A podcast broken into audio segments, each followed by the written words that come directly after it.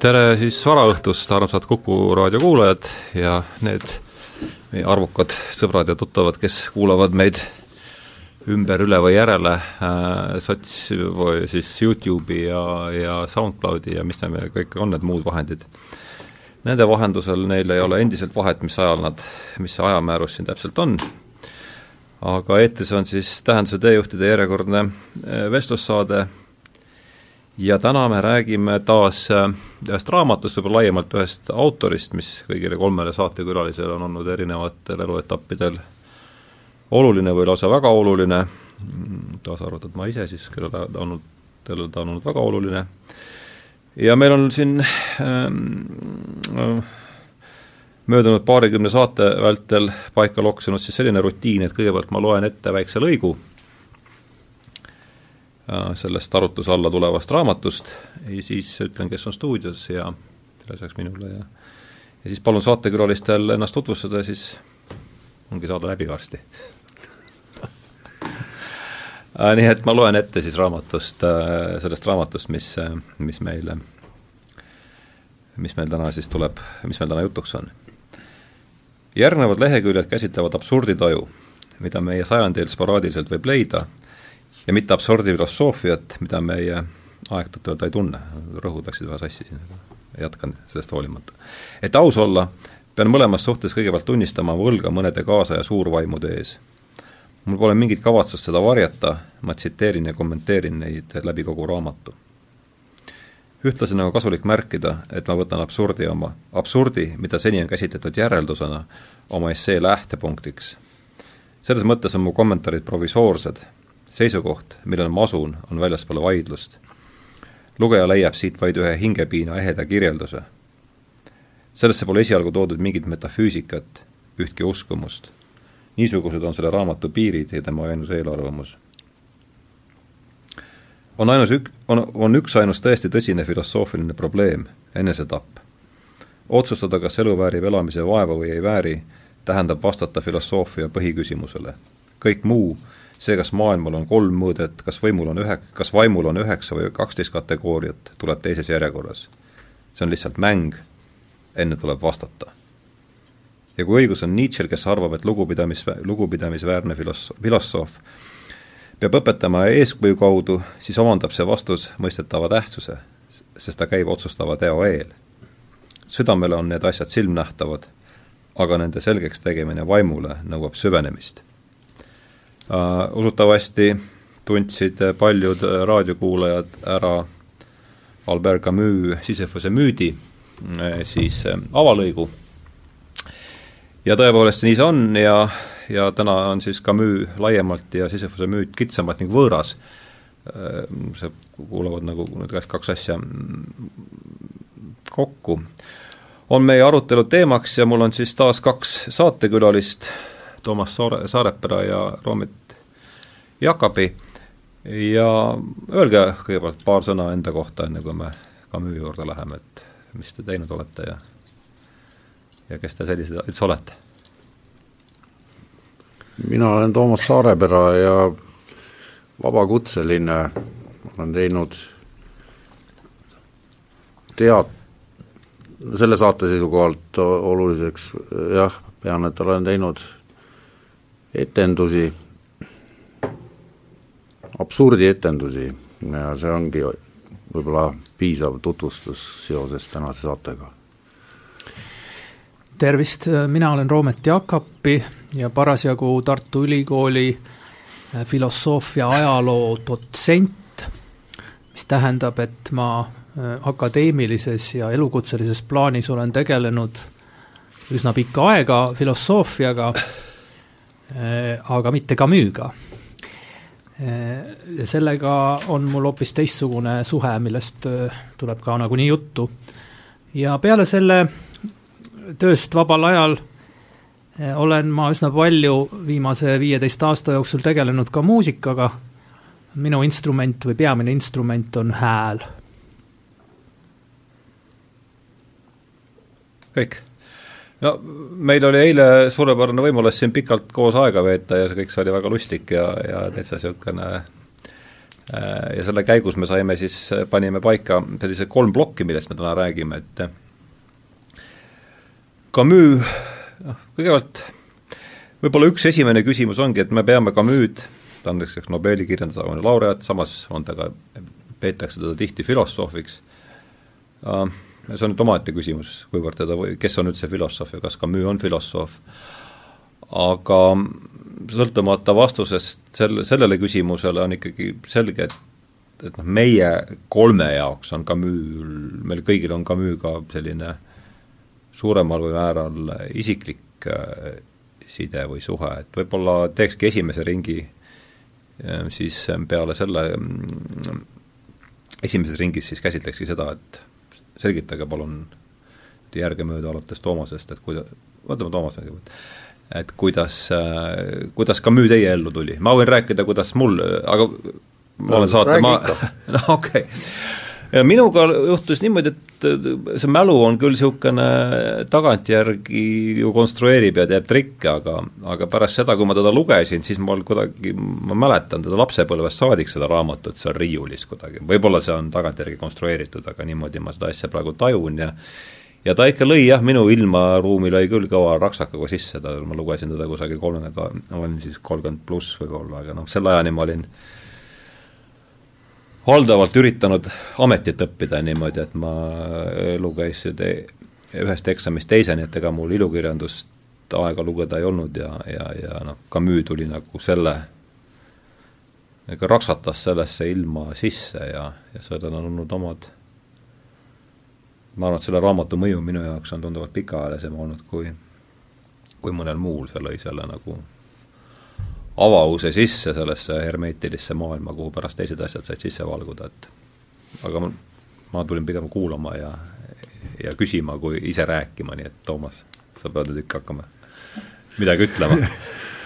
Okei okay,, et äh, jah, minul oli ka sama asi, et Camus lõi raksakaga sisse ja oli ka riiulis olemas, et meil olid kõik kodus ro-, Loomingu raamatukogud olid, olid olemas ja ja ma olin siis lavaka esimesel kursusel ja mõtlesin, mida selle asjaga pihta hakata, et mul oli juba piisavalt taotud, et, et oli mees, noh, enam-vähem nagu jumal nimega Stanislavski ja, ja ja nüüd hakkame mehed siis panema. Oli, oli siis meie, meie sõnum, mis meile edastati kohe kooli alguses. hakkame panema siis Stanislavski vaimus edasi? no põhimõtteliselt mitte edasi, vaid nojah, ütleme hakkame, sest me jah, hakkasime ju esimesel kursusel, ei teadnud ju keegi meist midagi suurt millestki ja no sellised parad leod, nagu ma olin, mina olin Temptist tulnud, siis olid mingid punkarid seal ja noh, niisugune paras niisugune kolhoos ja siis Komissarov oli õppejõud, Rahudemaa Põrmule äärmiselt lahe vend ja siis ja, ja ma mäletan seda, et et ma sain selle Camus sealt riiulist kätte ja ma vaatasin, et ohoo, et ei ole see isegi lihtne midagi, esiteks, et ma mäletan seda täpselt, et noh, see vanus oli, minul oli, mis ma olin, kakskümmend umbes, jah. et oli pidev see konflikt küll koolis õpetajatega, kodus vanematega ja siis ma sain sealt raamatust, sain teada, et mina polegi selles süüdi, et ma sündisin siia ilma, mis tähendab seda, et ma ju ei vastuta mitte millegi eest. Ja mida te õiendate mu kallale, seepärast et ma, ma ei pea midagi tegema, et see vabandus nagu kõik välja, see oli üks aspekt, aga muidugi noh, noh, eks me jõuame sellest siin pikemalt rääkida ilmselt, aga, aga see oli äh, ütleme, niisugune isiklik, kõige isiklikum võib-olla argument minu jaoks oli just see, et, et et see elu ongi absurdne. Ja vist samal ajal tõi Hermaküla välja Pinteri Majahoidja Draamateatris, see oli kaheksakümmend seitse, et ähm, et, et see oli siis absurditeatri selline esimene noh, sama tõsine pauk ja, ja, ja, ja see pani minu jaoks need, need nagu raamid paika, mis äh, sisuliselt teatri poolt vaadatuna see, mis ma ise olen kokku keeranud seal valdkonnas, et, et on saanud määravaks jah, see absurditeater läbi selle Camus ja, ja siis selle Pinteri näidendi, et võib-olla see on siis minu isiklik selline asi sellega seoses. minu ellu tuli Camus mõnes mõttes siis järelikult äh, isegi veidi varem kui teie ellu, sest äh, see pruunikas, punakas väljaanne Sisyfose müüt ilmus just siis, kui mina olin parasjagu ängi tundev hilisteismeline. ja see oli minu jaoks paljude muude raamatute hulgas tänuväärne viis põgenemiseks tollel ajal, ma arvan, see äng, mida ma siis tundsin, ei olnud eksistentsiaalne, vaid pigem selline tüüpiline teismelise äng aga muidugi mind võlus ka see mõte, et äh, elu on absurdne äh,, aga tol hetkel ma arvan, et ma mõtestasin seda kuidagi hoopis teistmoodi, kui ma teeksin seda nüüd. et siis tundus, et see on kuidagi nagu lahe. et ta on kuidagi absurdne, see tundus nagu mingisuguse ühe sellise võimaliku elukäsitlusena või eluviisina teatud mõttes Camus seda niimoodi ka esitab, aga, aga, aga ma ei tajunud seda traagikat võib-olla, mis, mida ma nüüd seal palju rohkem äh, tunnetan. ja siis ma lugesin seda ja unustasin aastakümneteks. nii et alles äh, käesoleva aasta suvel, kui mul tuli mm, arvamusfestivalil äh, osaleda paneelis, mille teemaks oli absurd, siis ma võtsin Camus uuesti kätte, kuna see oli noh, loomulik, et see mulle kohe meelde tuli, hakkasin uuesti otsast peale lugema Äh, ja avastasin, et, et see kõnetab mind ikka, kuigi mõne, mõnevõrra teisiti.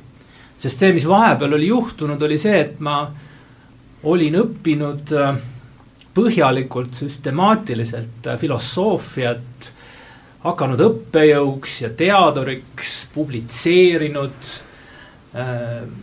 küll täiesti teistel teemadel aga tegelenud ja täiesti teises traditsioonis filosoofiaga, noh, eelkõige just angloameerika laadis äh, filosoofia ajaloolise uurimisega tegelenud. aga mitte ainult. Äh, ja see on ikkagi äh, just niisugune filosoofiline, mõnes mõttes tehniline nokitsemine, mis on Camus Sisyphose müütis Äh, mm, kahtluse alla seatud või mille, mille, mille vastu äh, hakkab Camus juba esimestel lehekülgedel. see on sedasorti filosoofia, mis tegeleb mõnes mõttes tähtsusetute detailidega, äh, mis ei saagi ära lahendada selliseid küsimusi, mis tegelikult peaks kõigile korda minema, nagu elu ja surm. ja ütleme selles mm, võib siis laias laastus öelda angloameerika analüütilise filosoofia traditsioonis ei peeta sedasorti aruteludest eriti lugu. ja samal ajal äh, on ka näha, äh, kuidas kontinentaalne filosoofia äh, rahva hulkasid palju enam kõnetab. kõnetab ka ähm, kunstivaldkonna inimesi, samal ajal kui analüütilise traditsiooni filosoofia on teatavas mõttes endasse sulgunud ja tahabki seda olla. Äh, ja teine asi, mis minuga vahepeal veel oli juhtunud, oli see, et ma mõningatel momentidel tuli äng tagasi. ja siis ma valasin seda hoopis muusikavormi. ja ma loeksin ette lihtsalt äh, mõne rea äh, enda kirjutatud laulust Pruudi isa palub sõna. Äh, seal on niisugused read, mida ma nüüd tagantjärgi tahaksin küll Camus mõtteviisiga seostada, kuigi ma siis selle peale üldse ei mõelnud. millal sa kirjutasid selle? umbes? No üle kümne aasta tagasi. niisiis, mis vahet seal on, kas möödub paar tundi või paar aastakümmet. mis vahet seal on, kas mind oli palju või vähe või üldse ei olnud? Pole vahet. kas ma eksisteerisingi üldse?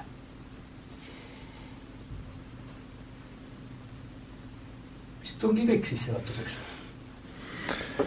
No siis siit saab minna nagu õige mitmes suunas, aga sa oled äh, omavahelises jutuajamises, ma olen palju rääkinud nendel teemadel, äh, Toomas, et äh, seda just seda ja see on esimene kord, kus ma seda küsin, et see Pinteri majahoidja, et miks, sa oled seda mitu korda maininud ja just seoses Camus'ga, et nüüd on võimalus siin raadios seda küsida, et miks, miks Pinter ja äh, mitte, et me nüüd Pinteri peale liiguks, aga, aga räägi natuke sellest äh,, ma saan aru, et see on olnud oluline kogemus, et ei no kui äh, kaheksakümmend seitse tegelikult takkajärgi mõeldes, kaheksakümmend kuus ma astusin lavakasse, nii et siis äh, ma olin juba mõnda aega seal olnud, et kui sa ikkagi oled kuulnud ainult Stanislavskist see on ikka see reaktsioon ja võib-olla Brehvi, Brechtist ja siis äkki satud teatrimajja, kus laval toimetavad kolm venda mingis äraütlemata segases situatsioonides ja, ja, ja täiesti teistmoodi maailmas, ja, ja see maailm hakkas mulle kohe meeldima, ma käisin seda hästi mitu korda, ma mäletan, vaatamas nii palju, ikka kohe mit-, ma polegi vist ühtegi asja nii palju kordi vaadanud teatris ja, ja ma sain seal naerda ja see oli lahe ja need näitlejad seal olid Krjukov, Veinmann, Üksküla kolmekesi. ja see oli, see lihtsalt, see oligi esimene, esimene selline äh, nähtus Eesti teatris minu jaoks. ma ei tea, kas ainult minu jaoks, võib-olla oligi, ma ei tea. ja, ja siis, ja siis, siis ma avastasin äh, noh, siis me tegime, aga noh, see ei puuduta nüüd seda juba enam. aga Pinter jah, ta, ta lihtsalt tuli ja ta seostus kohe, et oli sama asi teatris. ikka alternatiiv siis Stanislavskile, ma kujutan ette. tähendab, ega mul Stanislavski vastu ju midagi ei olnud, mul ei olnud selle asja, kooli vastu, mul, mul ei olnud mingit protesti, aga ma, ma noh, aga see tundus kuidagi väga raske ja selline noh, et vi-, viievaatuseline teema nii-öelda, niisugune perspektiiv horisondil oli väga noh, segane. aga, aga see asi seal mõjus, ta oli vahetu, ta oli noh, ta oli pretensioonitu selles mõttes, et ta ei noh, keegi ei küsinud mu käest mingit noh, et noh, mingit tänapäeval öeldakse selle kohta tiipi, mingit kontseptsiooni noh, et lahti seletada vaja või noh, see oligi see, et see, mis seal sel hetkel toimus, oli lahe ja, ja see absurd ongi sellepärast lahe, et, et seda ei, ta on absurd, mitte kontseptsioon minu jaoks. Me juba selle Pinteriga tegime vahe, vaheringi, sul on Pinteriga mingit, tuleb üldse mingit ma just lugenud. ma ei oska siia lisada. jah, ma olen lugenud tema minu arust, ta, ta sai ka Nobeli, eks? jaa no Nobeli kõnet lugenud, see mulle väga meeldis, aga, aga rohkem ma ei ole, Spinteriga ei ole minul nagu pistmist olnud. tema ütles oma kohutud teoste eessõnas, mis nüüd ilmumas on inglise keeles, et järjekordselt võib-olla mitmendat korda, ma arvan, et ma luge-, sattusin seda lugema, seal ta põhjendab, miks, miks ta sedalaadi asju kirjutas, et, et see, et ta kirjutab sellist teksti, nagu inimesed tegelikult räägivad elus. mitte ta ei loo spetsiaalselt et äh, mingit dramaturgiat sinna ei tekita, vaid võib, võib öelda selle kohta realistlik jutt. ja see kogu palju on absurdne. no nagu elu isegi. noh, just nii. Hästi, aga tuleme siis Camus juurde ikkagi tagasi, et äh, ma saan aru, et mõlemad alustasite Sisyphuse müüdiga või? mina küll. jaa.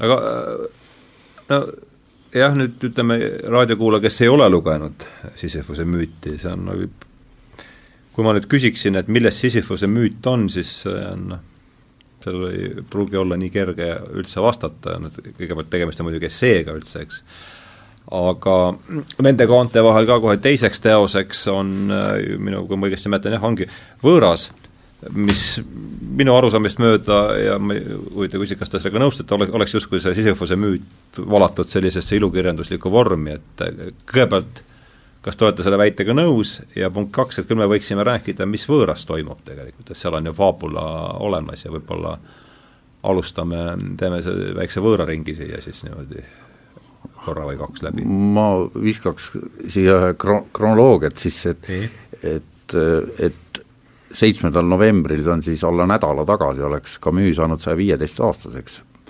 et see on selline asi, mis ma täna välja uurisin, et seitsmes november sünnipäev? jah, ja et, et, et see paneb ta teatud aja, et neljakümne teisel aastal kirjutas ta nii eh, selle Sisyphose müüdi kui ka võõra ja Sisyphose müüdi, müüdi ennem, et ja, ja, ja tegelikult ju Caligula, millest meil eile oli, oli juttu, et millest tahaks ka kindlasti rääkida. jah, et, et selle ta kirjutas kolmekümne kaheksandal aastal, mis tegelikult ju ka juba absurdne lugu, et see Caligula on veel noorem siis nendest, jah? jah, et, et, et ühesõnaga eks tal pakitses. või vanem siis selles mõttes. aga ma hakkasin just mõtlema täna hommikul selle peale, et siis käis ju sõda, et ka, et noh, et, et, et igavene madin käis ja siis ma uurisin järgi, et ta istus kuskil Bordeaux kandis. ta osales ju vastupanuliikumises. ja ta oli ja käis korra seal, aga muidu ta Alžeerias ikka sel ajal veel. sest ta on seal ju sündis ja mängis jalgpalli ja ja ta ütles selle lause ka, et kui on valida jalgpalli või kunsti, igal juhul jalgpall, noh, mis on nagu väga äge. aga Nobeli kontekstis, et aga, oota, mis see küsimus oli? Ma ei mäleta isegi enam, aa võõras. Võõras jah, et kas võõras on, punkt üks ka, et kas ta on kas võõrast võiks pidada Sisyphose müüdi selliseks äh, ilukirjandusliku, ilukirjandusliku vormi valatud Sisyphose müüdiks, ja sõltumata sellest, kas võib või ei või, võiks ikkagi rääkida, milles, millest võõras räägib, mulle tundub, et võib, aga mis sa arvad? minu äh,, no võõras on, minu jaoks on küll jah, et, et ma võtsin selle paketina, et nii Minust... kui ma Sisyphose müüdi läbi sain, tol ajal ju äh, siis, kui ma lugesin, see raamat vist ilmuski kaheksakümmend seitse, aga seda noh, see igal juhul tuli hiljem, et siis olid need kolm asja Loomingu raamatugas, olid müüt, siis võõras ja katk. ja, ja et ja, ja siis ma võtsingi nad järjest ja, ja võõras oli, oli loogiline jätk, ega, ega ma ka ei teadnud, et, et mis, mis ja kus, aga siis, kui ma seda lugesin, siis, siis ma sain aru, et et see oligi täpselt nii, nagu sa ütlesid, et, et see Sisyphose müüt oli ikkagi filosoofia äh, minu jaoks, siis äh, võõras oli narratiiv, noh selles mõttes, et oli mina tegelane, mingi ab-, abstraktne Merceau, kes siis äh, äh, mõisteti surma selle eest, et ta ema kirstu ääres ei nutnud või umbes nii, selline lugu täiesti nõus ja mulle tundub samamoodi, et need ikka kuuluvad kokku, see Sisyphose müüt ja võõras, aga lihtsalt äh, žanrid on erinevad. et äh, kui seal ja no Caligula omamoodi ka kuulub sinnasama mõtteviisi juurde, kui hakata seal näpuga järge ajama neis, neis teostes, siis leiab seal terve rea äh, sarnaseid äh, mõttekäike ähm,. ja mm, Sisyphose müüdi puhul kui ma nüüd seda uuesti üle lugesin, siis ma panin tähele, et äh, vähemalt osa sellest esseest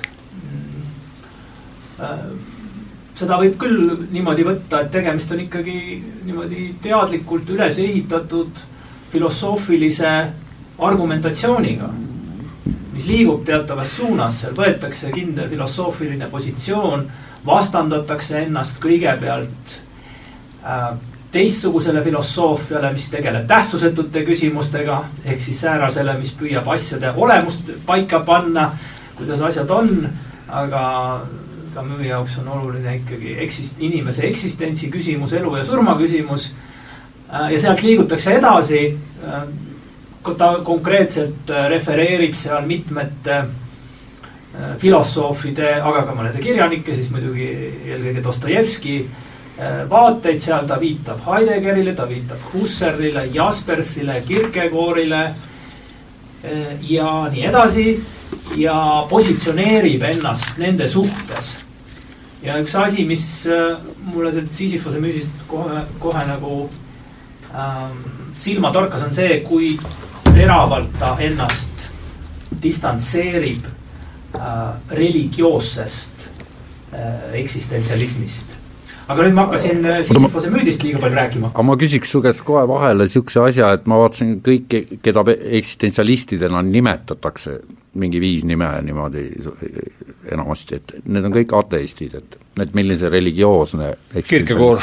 Kierkegaard, Dostojevski, no Dostojevskit peaks ka Kierkegaard ütles, et tema usub pimesi, sellepärast et ei ole ühtegi võima-, võimalust religiooni võtta muud moodi ja seepärast ta oli ka kirikuvastane, ta käis ühe korra aastas vist armulaual. ta oli väga kõik. kirikuvastane jah, aga noh, kirikuvastasus ja religioossus tingimata ei, ei ole nojah, ei ole tingimata tema oli pime ja uskus ja ta ise ütleski nii. no kuidagi sa ei saa Kierkegaardi igatahes kuidagi pidada ateistlikuks äh, eksistentsialistiks no okei okay,, jah. seda vist on. ma mõtlen ka seda, et, et Camus'st ikkagi saab ennekõike rääkida just äh, kui ateistlikust äh, eksistentsialistist, ükskõik, kas me soovime seda terminit eksistentsialist tema ja nende teiste mõtlejate puhul kasutada või mitte või kas ta ise seda soovis kasutada, need on niisugused peensused, noh, me võime pärastpoole ka neid arutada. ja eksistentsialismist ma tahaks jah lõpus sellesse kolmandikku. laias laastus ikkagi ja, ja, ja ma peangi religioossuse all äh, silmas just seda, et äh, et nii see äh, Kierkegaard kui Jaspers kirjeldavad seda inimlikku täbarat eksistentsi. Äh, ja, aga lõpuks lihtsalt smugeldavad Jumala ikka sisse.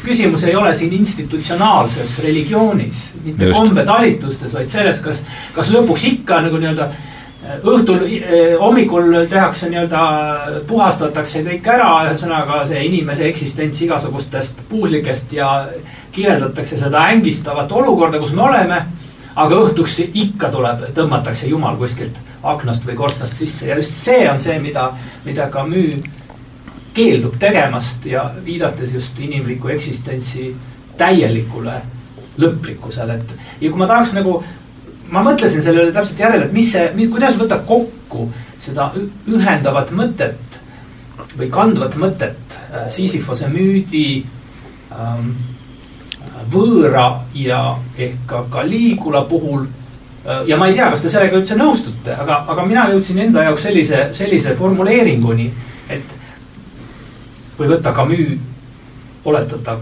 positsioon kokku. et see võiks olla nii, et elu muudab absurdseks surm. mitte elu ei ole iseenesest absurdne. ta võib seda ka olla aga, aga, aga ta, aga see kõige absurdsem absurdsus on see surm ja lõplikkus, pärast mida pole mitte midagi oodata ja just selle valguses muutuvad tühiseks meie elus tehtud valikud. Äh, meie äh, ükskõik mis armastus, vihkamine äh, mida, mida iganes me siin oleme teha otsustanud nii-öelda tagantjärgi elu peale tagasi vaadates, kui see on läbi saanud, pole vahet, mis valikuid me tegime, see kõik on mõttetu. no nii mulle hakkas tunduma. see kõlab. ma ütleks nii palju siia, et, et tal oli ka selline lause, et aususes pole reegleid, mis mulle jäi kõlama. kus see on, see huvitav, Silvamüüdis või? jaa, ma arvan, et see oli seal. Nagu ja see oli selline asi, mis mis on väga märgiline justkui hakata klassifitseerima, miks ta ei tahtnud ennast või üldse kuskile eksistentsialistide ritta sättida või e, üldse kuskile noh, mingisse kategooriasse nii väga panna. et ta oli ju ajakirjanik ja, ja siis ta oli vastupanuliikuv, ühesõnaga ta oli noh, ta elas seda elu, seda absurdset elu sellisel moel nagu noh, et see oleks talle vastuvõetav ja ja, ja võimalikult ausalt, et mulle tundub, et kui, kui tema asju lugeda, et, et see aususe moment on väga oluline seal, et et, et ta ei lähe ülemäära, vot sellepärast ta võib-olla ongi no noorele inimesele, no ta oli ise ka noor vist, kui ta selle kirjutas, aga et mõistetav just, et kui meil on siin juttu, oli siin mingitest vendadest, kelle jutust midagi aru ei saa, siis et, et tema jutus, jutt on aru saada, sest see on niivõrd aus et, et ta ei keeruta terminitega, ei kasuta mingeid sõnu, millest keegi aru ei saa, vaid ta räägib nii, nagu ta mõtleb. ja kui inimene mõtleb, siis ta ju üritab lihtsalt läbi saada, vist. vist küll, jah. või võiks vähemasti, kohati kui ta tahab ilma rahvaga ühendust, ühendusse astuda. mul tulebki selle koha peal kohe see Caligula ikkagi taas meelde kui tegelaskuju, et ega ma ei tea, kas võib nii öelda, et ega Caligulat mõnes mõttes iseloomustab ka selline enesemääratlus vähemalt, et ta on, ta on niisugune järje, järjekindlalt ja kompromissitult aus mõnes mõttes.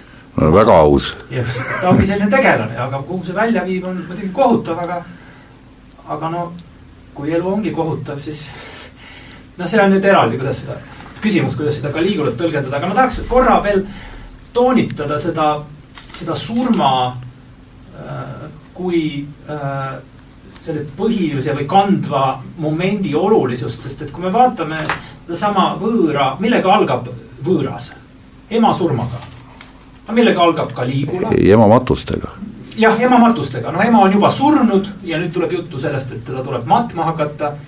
ja Caligula algab äh, peategelase armastatud, algab sellest olukorrast, kus on surnud peategelase armastatud õde. see käivitab mingisugused mm -hmm. sündmused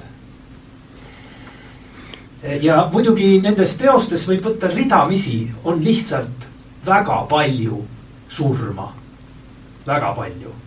no Caligulas eriti, eks. Et ka vahepeal me võime rääkida siin katkust ja, ja, ja siis või seesama, mis on selle pruuni pru,, punakas pruunide kaantega raamatu lõpus on see teine eh, näidend eh, arusaamatus. ah, seda ma ei olegi lugenud eh, ka eh, toimuvad eh, inetud eh, sündmused. aga selle jutuga, mis sa praegu rääkisid, mul noh, siin on seal Caligulas, et, et seal oli selline noh, et, et ta ütleb seal alguses, et, et, et lööme kõik mätasse ja et kõik tapmised on võrdsed, mistõttu miski neist ei ole oluline.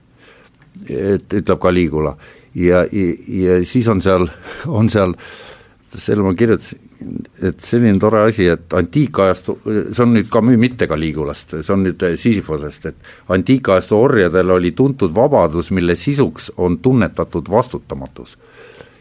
ja see on nagu väga hästi see on Sisyphose müüdist, jah? on sul lehekülg ka üles tähendatud või? ei ole ja okay, mis tähendab seda, et see võib olla ka võõrast muidugi, kuigi ma ei usu. kuule, see kõlab pehkem Sisyphose müüd. jah tunnetatud vastutamatus. ütle palun see lause uuesti veel.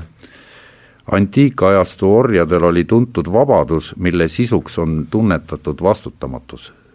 see kõlab ju päris äh, päevakajaliselt või?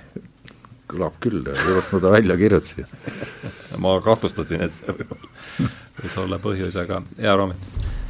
ei, lihtsalt ma ka tsiteerin siia, et äh, üks, äh, üks ühine motiiv siin äh, Sisyphose müüdil ja võõral on, on see küsimus, et või õieti tõdemus.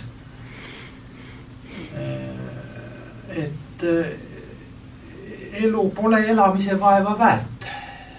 seesama küsimus, mille alustab ju, eks. just, ja et ja hiljem ta küll leiab, Sisyphos leiab selle, selle, ta leiab, et elu on mõttetu, aga siiski elamist väärt. aga just siin võõras, see on selles väljaandes lehekülg sada kolmkümmend üks. alt teine rida öeldakse, aga igaüks teab, et elu pole elamise vaeva väärt. on jah e ma ju teadsin, et pole eriti tähtis, kas sured kolmekümne või seitsmekümne aastaselt, sest igal juhul elavad teised mehed ja teised naised ikkagi edasi ja seda veel tuhandeid aastaid mis võib veel selgem olla. see oli muidugi enne tuumarelvade aegset äh, nii et see, siin on väike muutus võib-olla tekkinud, eks. aga vabandust, ma segasin, segasin vahe. ja siin on teine, teine koht veel, et see on lehekülg üheksakümmend seitse siin võõras. me peame nüüd jagama sinu raamatut, ma unustasin. kus on, jällegi öeldakse seda, et no kõik eluviisid on üheväärsed vahet pole, kuidas sa seda no see on nagu Caligula tapmine, et äh, kõik on sest surma, surm tasandab, tasand, tasandab kõik ära, eks ole, just. Smith and Wessoni toru ees on kõik võrdsed, noh, selle käib läbi kõikide. Mis on päris mõjukas argument, eks, kuule, kui hakkad mõtlema selle peale niimoodi. ja nüüd on ikka, jah. Teil on vastu, keeruline vastu vaielda kuidas seda siiski teha? no aga see ütleb seal äh, Sisyphoses, et aga et mõelgem äh, Sisyphos õnnelikuks inimeseks ja seda ta ju, sellega ta põhjendabki seda filosoofilise suitsiidi, miks ta seda ei teinud, et et, et, et, et see kivi lükkamine sinna mäkke, et seda tuleb teha nii, et ja, ja ta ju, Camus armastas ilusaid naisi, ilusaid rõivaid, kiireid autosid, seks, drugs and rock n roll oli, oli üldiselt, ta elas võrdlemisi, ta nautis elu. et noh, selles mõttes Caligula ka, aga ta armastas väga ka tappa lisaks kiiretele autodele ja pluss on, ilmselt on ikkagi vormiv kogemus ka see teise maailmasõja ajal põranda all olemine, see surmalähedus ja kõik see, ma kujutan ette, ja pluss, mida me ei ole maininud tema juures, tuberkuloos. sest noorusest saadud tuberkuloos oli ju ka ikkagi tol ajal tihti võrdne surmaotsusega. Mm., siis, siis veel, eks. Mm aga mul jäi kõrva, kõrva taha siin, et äh, Caligulat ma, minu, õnneks minu, erinevalt minust olete teie jõudnud teda siin nüüd rohkem üle lugeda, mina seda ei, kahjuks jälle teha ei jõudnud, et et, et see lause, mis Toomas siin viskas üles ähm, mõned minutid tagasi, võib-olla jäi mõnele raadiokuulajale kõrva, et mis oli nüüd selle, Merceau oli see peategelane või? Äh, võõras et ta mõistetakse surma selle eest, et ta ema matustel ei nutnud. et räägi sellest äh, palun lähemalt, no lihtsalt natukene võib-olla ka, et kes ei ole nüüd lugenud äh, võõrast, et et noh, et see lause mingisse konteksti asetuks okay., sest see on väga oluline. jah, ta lasi araablase lõpus maha sellepärast, et päike paistis silma ja ja püstol ju oli, sõbra püstol oli taskus ja oligi, no enam-vähem muud põhjust ei olnud ja, ja kui kohut mõisteti, siis tunnistajad olid kõik sellest ma ei mäleta, kas see oli mingi hotell või kus ta seal oli, kui ema matustel oli selle mingid koristajad ja tegelased, kes tunnistasid, kuidas ta ei nutnud, kuidas ta käitus jube tavaliselt, oleks pidanud midagi muud tegema, ja et tal ei olnud et ta, et ta ei tundnud kahetsust seda araablast tulistades ja ta ei tundnud ka äh, ja see ei olnud üldse nii suur süüdistus, suurem oli see, et, et ta ema, ema matustel ei nutnud, et ta käitus liiga külmakõhuliselt nende jaoks seal. et, et see, et veenda seda seltskonda teda surma mõistma, et siis süüdistus kasutas seda taktikat, et kutsuti kari inimesi, kes kõik rääkisid, kui külmavereline ta ema matustel oli. mitte see, et ta araablase maha lasi seal rannas. just jah, et selle uurimise käigus oli see väga oluline, et äh, püüti näidata, süüdistav pool püüdis näidata, et tegemist on kõlbelise monstrumiga mm, -hmm. mis isegi ei nuta öö, äh, oma ema surma puhul. see on nüüd hoopis omaette küsimus, et, äh, et no inimpsühholoogia seisukohalt, et kuidas keegi käitub või võiks käituda või milline on ootuspärane käitumine siis, kui ema sureb, see on ikkagi äh, no ma arvan, üldjuhul äh, niisugune kogemus, mis äh, noh, ei allu mingisugustele sellistele ettekirjutustele. ja jällegi see võõra tege-, peategelane on jällegi, ta on aus. ta on üdini aus, kui talle miski ei meeldi, siis ta ütleb. kui, kui see naine kes teda elu eest armastada tahab, küsib, et kas, kas sa mind armastad, siis ta ütleb, et ei. kas me abiellume, jah, me võime abielluda, aga mul vahet ei ole kõik, kuna kõik eluviisid on üheväärsed ja täpselt nii ta mõtlebki. ja ka kohtus ja ka neid ja vastates küsimustele ta, ta, ta ütleb, mis ta mõtleb. ja talle üritatakse selle uurimise käigus pähe määrida igasuguseid Äh, kombeid, mida tuleks järgida, mingeid moraalseid ideaale. lõpuks tuleb preester, kui ta on juba surma mõistetud, tuleb lõpuks preester talle jumalat pähe määrima. ja see on talle täiesti talumatu, ta sõimab seal preost preestril näo täis, nii et kui ma õigesti mäletan, siis lõpuks hakkab preester ise nutma jah, see preester ikka suhtlustasse ka nagu, üritas olla hea preester ja siis lõpuks veendus, et tegemist on koletisega ja tüüp oli lihtsalt jah, see aususe rida, et, et, et see on ja, ja ja, ja mingeid kommentaare, mis ma nüüd vaatasin, et mis selle võõra kohta on, et miks ma noh, see no-, Nobeli preemia ju ega noh, suuresti on ka sellega raamatukesega seotud ilmselt, kuna ja, ja et ongi küsimus selles, et sellise nurga alt selliseid asju ei olnud nagu keegi, kuigi enne teda olid paljud inimesed sama küsimusega tegelenud, aga ilukirjanduslikku sedalaadi raamatut ilmselt ja, ja veel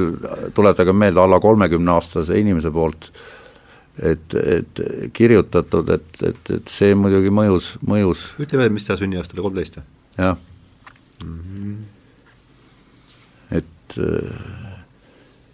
et, et see, see Merceau kuju noh, läbi terve selle raamatu on ju niimoodi, ta sisemonoloogid, mida seal kirjeldatakse, on ju kõik sellised, et ta, ta ei ta ei haaku nende emotsionaalsete mingite asjadega, mis tema ümber toimuvad, kõik, kõik teised sebivad ja aga see mina-tegelane on, ongi vaatleja. ja järelikult monstrum teiste silmis. jah, sa ei tohi olla vaatleja, sa pead olla, sa pead olema osa suurest konspiratsioonist, sa ei, sa ei tohi seda nagu akvaariumi kala, sa ei tohi seda vaadata, sa pead minema hüppama sinna akvaariumisse sisse. et, et see on nagu etteheide sellele tegelase või noh, seal raamatus, mida Camus sisuliselt analüüsib ju seda asja ühiskonna suhtumist inimestesse, kes vaatlevad sedasama ühiskonda. sa ei tohi olla kõrvalseisev, sa pead olema kindlasti masinas Caligula oli seevastu tunduvalt aktiivsemalt osades protsessis, ma ei ma ei ole, ma ei jõudnud veel kord, ma Caligulat olen lugenud, aga ma ei mäleta palju, aga no nii palju, mida me teame kõik ajaloost, et ta oli ikkagi aktiivne noormees, nii kaua, kui tal seda nojah. elu oli, et mis mulje, tuletage mulle palun meelde, te olete värskelt lugenud, üks, mõlemad lõpetasite eile vist, et mis mulje Caligula, kuidas ta seda, ma üritan selle nüüd lähiajal ise ka läbi lugeda, mis mulje Caligulast jäi läbi sellest, et see on kui inimesest? reaalselt jah, noh ütleme, kuidas ta seda Caligula kuju käsitleb, et see on mulle nagu huvitav? ta oli nagu laksu all, noh, ja samal ajal hästi sellise noh, noh, noh, kui sul on selline võim, nagu sealt välja tuleb teiste jutust, et ta on absoluutne noh, tema diktatuur valitses ümberringi ja siis ta seal narris neid ümbritsevaid tegelasi, kes tal seal olid, et, et noh, et, et kellel, et, et ma, et ma tapsin su poja ära, kuidas sa ennast tunned ja sul ma lõin isa maha, mismoodi sul täna tundub äh, ilm olevat ja ja noh, ta paiskab sellist teksti, et, et ja kusjuures ta ei tee seda mitte sadismist, noh, et, et ta tahaks solvata või, või midagi, ta teeb seda mingit teistsugusel isa tapmine on küllaltki solvav. aga see, see kont-, või ma ei oska, võib-olla sa oskad jah. jah, et ka, et subjekt käitus adekvaatselt, samas jällegi. et ma võib-olla see laksu all oli liialdus, et mingi teises no mingi laksu all ta ikkagi, võimu laksu all ikkagi. no jah, võimu, jah, võimu. tugeva võimu laksu all tal olid ikka oma, eks ole, suured, suured ideed ja püüdlused. ja ta, ta püüdis äh, või nii ta vähemalt seal väljendab, väljendub, et ta tahab saavutada võimatut. ta tahab näidata, et just seda ma mäletan, seda ma mäletan, jah. teostada seda oma absoluutse võimu abil, meelevaldselt äh, tappes ja piinates ja äh, ja tehes, mis tal parasjagu pähe tuleb. raha kogudes. et, et, et kõik, pange siia üks äh, mingisugune rahaühik ja siis keerake mööda koridori, minnes vasakule, seal on see surmaešelon, seal on siis hakklihamasin tuleb vastu teile. et niimoodi noh, käitub ja vaatab, kuidas siis alluvad reageerivad. ja, ja kujundlikult siis muidugi on seal see kuu ta tahab kuud kätte saada, tooge mulle kuu. kuningas kuu peale kippus on ju meil tuttud lastelavastus, eks ole, mis ja. haakub päris hästi mingil tasandil, ma arvan, selle. jah, midagi, midagi võimatut, mida tahetakse kätte saada ja, ja, ja, ja oma arust ta äh, no see on paradoksaalne võib-olla, aga ta, ta, ta tapab ka mingis mõttes selle nimel, vähemalt nii ta ütleb, et inimesed võiksid lõpuks olla õnnelikud ja enam ei suregi ma ei mäleta, kas, kas, kas selline lause oli seal? mida, ühesõnaga see mõttekäik oli minu arust jah. aga see on ju probleem oli selles, et, et inimesed on õnnetud ja, ja nad surevad. ja, ja kuud ei saa kätte, aga kui ma saan kuu kätte ja kui ma nüüd teostan seda absoluutset meelevaldset võimu ja, ja olen sellest täielikult vaba indiviidina, siis ma teen midagi nii võimatut ja absurdset, et ma muudangi maailma teistsuguseks no väga julge projekt või tegelikult see laksu all ei ole minu arust sugugi halb, halb kirjeldus. no või ilmselge võimulaksu all, aga tuletage meelde, et see on kirjutatud üheksasada nelikümmend kaks, see on mingis mõttes nagu aja... ei, see on kolmkümmend kaheksa, ta oli kahekümne viie aastane. Liigul oli kolmkümmend kaheksa, õige, ja just. mõtle, ta oli kahekümne viie aastane. no jaa, aga vot ka erinevalt ju Saatrist ja teistest eh, tema tolleaegsest võitluskaaslasest, tema nägi ju ikkagi ka vana Jossi läbi ja võttis ühemõtteliselt, eh, ühemõtteliselt eh, siis eitava hoiaku Nõukogude Venemaal toimuva suhtes, et et noh, kui sa pane, pane Joss sinna Caligula asemel ja saad enam ja it-, kõik need asjad olid kolmekümnendate aastate lõpus ikkagi väga selgelt, eks ole, ju maailmas olemas, nii Aadiku kui siis äh, Stalini näol, et äh, Hispaania kodusõda, seal käidi käidi kohal, ta minu arust suhtles Orwelliga, kes käis seal ja, ja nad, nad olid enne seda, kui ta, või umbes samal ajal mingitel, tal, tal oli mingi ajakiri, kus ta töötas, Kombat oli see põrandaaluste leht mm. -hmm. ja, ja, ja siis nad mingid, mingid koosviibimised neil olid kuskil Pariisiga või Prantsusmaal vist mingitel tõesti Hetkel., kui ma lugesin äh, nüüd hiljuti seda Caligulat, siis mul mingil hetkel hakkas kuvanduma Stalin. no just, see on esime-, esimene paralleel ja just Ja- see ja täiesti niisugune statistika. estetiseeritud Ja- vägivald, ja selline esiteks, et see, see suurejoonelisus oma mõrvarlike planee-, oma mõrvarlikes plaanides ja ka, ja ka nende plaanide elluviimine ja selline absoluutse võimu teostamine. Aga siis ma lugesin edasi ja edasi ja siis tabas mind veelgi hämmastavam seos. nimelt leheküljel nelisada üks, Caligula üheksas stseen algab niimoodi. Caligula, vabandage, aga riigi asjadega on kiire palee ülem, sa lased sulgeda kõik riigi aidad. nüüd sama kirjutasin dekreedile alla, see on sinu toas. palee ülem vastab, aga Caligula, homme algab nälg. palee ülem, aga rahvas hakkab nurisema. nurisema. Caligula, kindlalt ja selgelt. ma ütlesin, et homme algab nälg. kõik teavad, mis on nälg. loodusõnnetus. homme algab loodusõnnetus. ja ma lõpetan selle õnnetuse, kui ise heaks arvan. Kolmekümnendate näljahäda Ukrainas. täiesti üheselt täiesti üks-ühele, ka tuli seesama paralleel, et ja see, et kui Jumalat ei ole, siis järelikult peab kingsepp korist hakkama ise Jumalaks, noh. see on see, see, kuidas mina seda kuulan nagu, koos sellest kõigest tulenevate tagajärgedega. noh. jah, teine eksistentsialist äh, oli öelnud, et Jumal on surnud. just, see on ikka see Nietzsche, Nietzsche pendli selles tuules käib see tegevus paljuski. ja Nietzsche't, Nietzsche't ta tsiteerib, eks ole, päris palju ka Sisyphuse müüdis, ja nüüd, ja kusjuures eh, ega Nietzsche vist eksistentsialismi mõistest ei teadnud ka ööd ega mütsi. Roomet oskab meid võib-olla aidata, millal see eksistentsialismi mõiste, sa oled, sa oled õpetanud seda asja niimoodi süstemaatilisemalt, ei oska öelda, millal see mõiste tuleb üldse, tuuakse? ma tean täpselt, kelle käest küsida. las ta praegu, ma, ma parem ei hakka.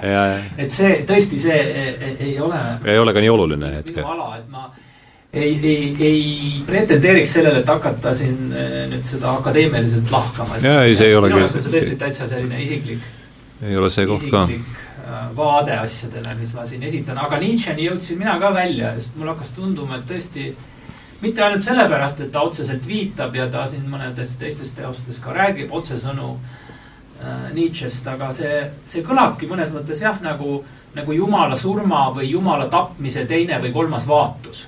kui me vaatame seda nagu nii-öelda Mhm. Euroopa kultuuriloo seisukohalt, et mis siis toimub selle teise maailmasõja ajal, võib-olla jumala lõplik tapmine isegi mm. -hmm. võtnud, võtab tükk aega, eks ole, ta seal veel nagu noh, väänleb. kusjuures see, mida Nietzsche, mida Nietzsche ju ennustab, ta ei, otse, no niivõrd, kui ta, ta nüüd pole mingi sertifitseeritud prognoos. vaatenurgast see, seda võib niimoodi võtta küll, et see, et see, see maas lamav jumal, et talle nüüd lüüakse lõplikult nuga selga mm. -hmm. aitab, nüüd on tõesti kõik. sest see sõda ka, see, see teine maailmasõda ka enam ei võimalda tal lihtsalt elada siin Euroopas enam, sellel jumalal. see lihtsalt, seda on lihtsalt liiga palju, inim, inim, inimese mõistus ei, ei, ei, enam ei võta seda vastu. noh, laias laastus mm,. et religioon taandub kusagile, kusagile niimoodi mõnda kööki. aga aga ilmu, ilmub samas jälle teiste tuleb mingil muul kujul. mulle, muul tagasi, jah ja, ja, ja. ja sealjuures on see, võib-olla väärib märkimist, et Camus mainib ja, ja mainib väga tihti seda, et see küsimus tuleb lahendada loogika abil. Et irratsionaalne käitumine, et, et enesetapp ei ole ühiskondlik küsimus, see on indiviidi küsimus ja et, et, et, et kuidas seda lahendada loogiliselt siis mida täpselt? seda, sedasama, et miks mitte ennast ära tappa, kuna elu on selline, nagu ta on, et ja, ja miks, miks üldse rapsida, kui, kui niikuinii kõik on läbi et, et, et aga et loogikaga on tal pusimist, et, et, et seda, seda ta otsib ja seda, seda mainitakse igal pool minu arust kõikides tema kirjatükkides, mis ma olen lugenud. aga selgitage seda loogikat palun, et kuidas ta siis ikkagi nii võtame, ma võtan siis kokku selle praegu, meil on siin juba vaata et viiskümmend minutit istutud, et ma võtan, üritan kokku võtta selle, mida ma nüüd enda arvates siiani olen siis aru saanud. et surm muudab kõik, teeb kõik ühe tasa. et, et ei ole vahet, kuivõrd lõpuks tuleb niikuinii kõigil surra, siis ükskõik, mis tee me täna valime, on selle ees sama väärt kui ka teine, ja kui niikuinii tuleb surra, et miks siis no võime seda sama hästi juba ka täna teha, kas, kas Goethel ei ole mingi niisugune luuletus, et et inimene, kes kardab vihma, hüppab kohe tiiki, et saaks sellest hirmust lahti vist, midagi sellist on, eks ole, natukene siin, et tuleb Priima käest küsida. jah, aga et kuida-, Mihkel minu meelest tsiteeris mulle kunagi seda, aga et kuidas see loogika siis, et no seal on kuidas üks... ta selle argumendi üles ehitab, et kuidas ikkagi siis no tal on selline lause, et absurdiga, et absurdil on mõtet seni, kuni me sellega ei lepi. absurdil on mõtet seni, kuni me sellega ei lepi. no see kõlab nagu loogiline mm -hmm. mingi lause et äh, et see, ütleme, jumala püstitamine nagu siis selle kaudu sa lähed, loobud absurdi et kui sa loob... mõistest nagu, et kui, kui sellest pingest, saan õigesti aru? no ma ei tea, kuidas ta, tema nüüd mõtles, aga kui ma seda lugesin, siis ma jäin ka mõtlema selle peale, et et noh, et kuni ma, et et samal ajal noh, see ongi see mässava inimese, et, et mitteleppimine, et, et, et, et tal see mässu teema ju on ka samamoodi noh, pidev. et, et mässav inimene ja mäss ja, ja, ja et, et mitteleppimine absurdiga on ju ka, võib öelda, et see on mäss selle, selle maailma, maailma suhtes. ja, ja, ja kui sa ei taha mässata, siis tapa ennast ära, noh. et nii, nii lihtne see ongi ja, ja siis ongi, et sealt kikilipsu ette ja sõidad kiire autoga ilusa naise juurde ja kirjutad raamatuid. kas tal on kusagil, et elada, elada tähendab absurdi elu, elus hoida ka, kas sa, mõtlesin ma selle praegu ise välja siin, aga see kõlaks nagu kokku sellega, mida ta kirjutab? no see kõlab kokku küll sellega. Roomet? nojah, et sellest loogikast äh, rääkides, siis äh, Äh, mul jäi silma see küsimus äh, täpselt sellises formuleeringus, mis tal seal Sisyphuse müüdis on, et üsna alguses, et kas absurdist järeldub paratamatult enesetapp. -hmm. elu absurdsus on midagi, mida, mis on nagu ilmne tema jaoks, elu, elu mõttetus, elu, elule mõtte omistamise võimatus. ja, ja, ja, ja ta jõuab järeldusele, et, et ei järeldu. et on võimalik äh, äh, elada seda absurdset elu äh,. seda võib elada ja see on elamist väärt. ühesõnaga ta lükkab enesetapu tagasi ja leiab, et ka täiesti mingis mõttes sihitu mingi sügavama mõtte ja eesmärgita elu on ikkagi elamisväärne. ta võtab seda mõistusega, et ta mainib seda ka, et inimvaimu jaoks, kes äh, tunnistab absurdi, on mõistus tühine, aga pole midagi, mis oleks mõistusest kõrgemal et selline lause on tal. et, et, et, et, et tema jaoks noh, kuna Jumalat pole, et siis jääb mõistus. ja, ja, ja, ja mõistusega võtta on ka raske, sest kõik on nii absurdne ja, ja, ja see absurdsus, absurdsus on asi iseeneses. nii, nii jõudis ta mulle lõpuks et, et, et miks mul, vot siin ennem oli juttu, et kuidas ta siis tundus ja kuidas ta praegu tundub, et, et kolmkümmend aastat nüüd hiljem, et needsamad asjad, noh, et, et see, mis ma alguses rääkisin, et mismoodi ta mõjus, et see täna enam need asjad nii ei ole, et nüüd üle vii-. huvitav, selle juurde eks tuleb saat-, saate lõpus tagasi, jah. jah, et üle viiekümnesena on mingid asjad on liikunud mujale, mingid punktid, teravikud, arusaamised mm. -hmm. panen selle niidivasse kirja, et me selle juurde kindlasti tagasi tuleksime. mille juurde? Camus täna ja Camus kolmkümmend aastat tagasi, et ja ta oli nihilismi vastu. see oli üks asi, mille vastu ta oli. et seda on korduvalt noh, ta, ma ei tea, kas ta ise seda on öelnud, ots-, no kin-, jah, aga et, et see mis, juba Sisyphuses? Aga, aga see, just sõna nihilism, et, et nüüd tänapäeval, kui te, tema kohta ma lappasin mingeid artikleid, asju, et siis siis see on üks asi, mida esile toodi jätkuvalt, et et nihilism oli see, millega ta ei leppinud, et see era, eristas teda nii mõnestki teisest. aga mm, see on huvitav, et kuidas sa sellest aru saad, et ühest küljest see tema nagu noh, see, millest me kõigest oleme rääkinud, elu on absurdne ja kõik teed on noh, samaväärne, iga tee on samaväärne kui iga teine ja samas olla ikkagi nihilismi vastu, et äh, mul on niisugune tunne, et see on niisugune koht, kus võiks küll peatuda minutit kümme võib-olla, et kuidas sellest aru saada, kuidas me, kuidas kuidas me nihilismi defineerime siis siin?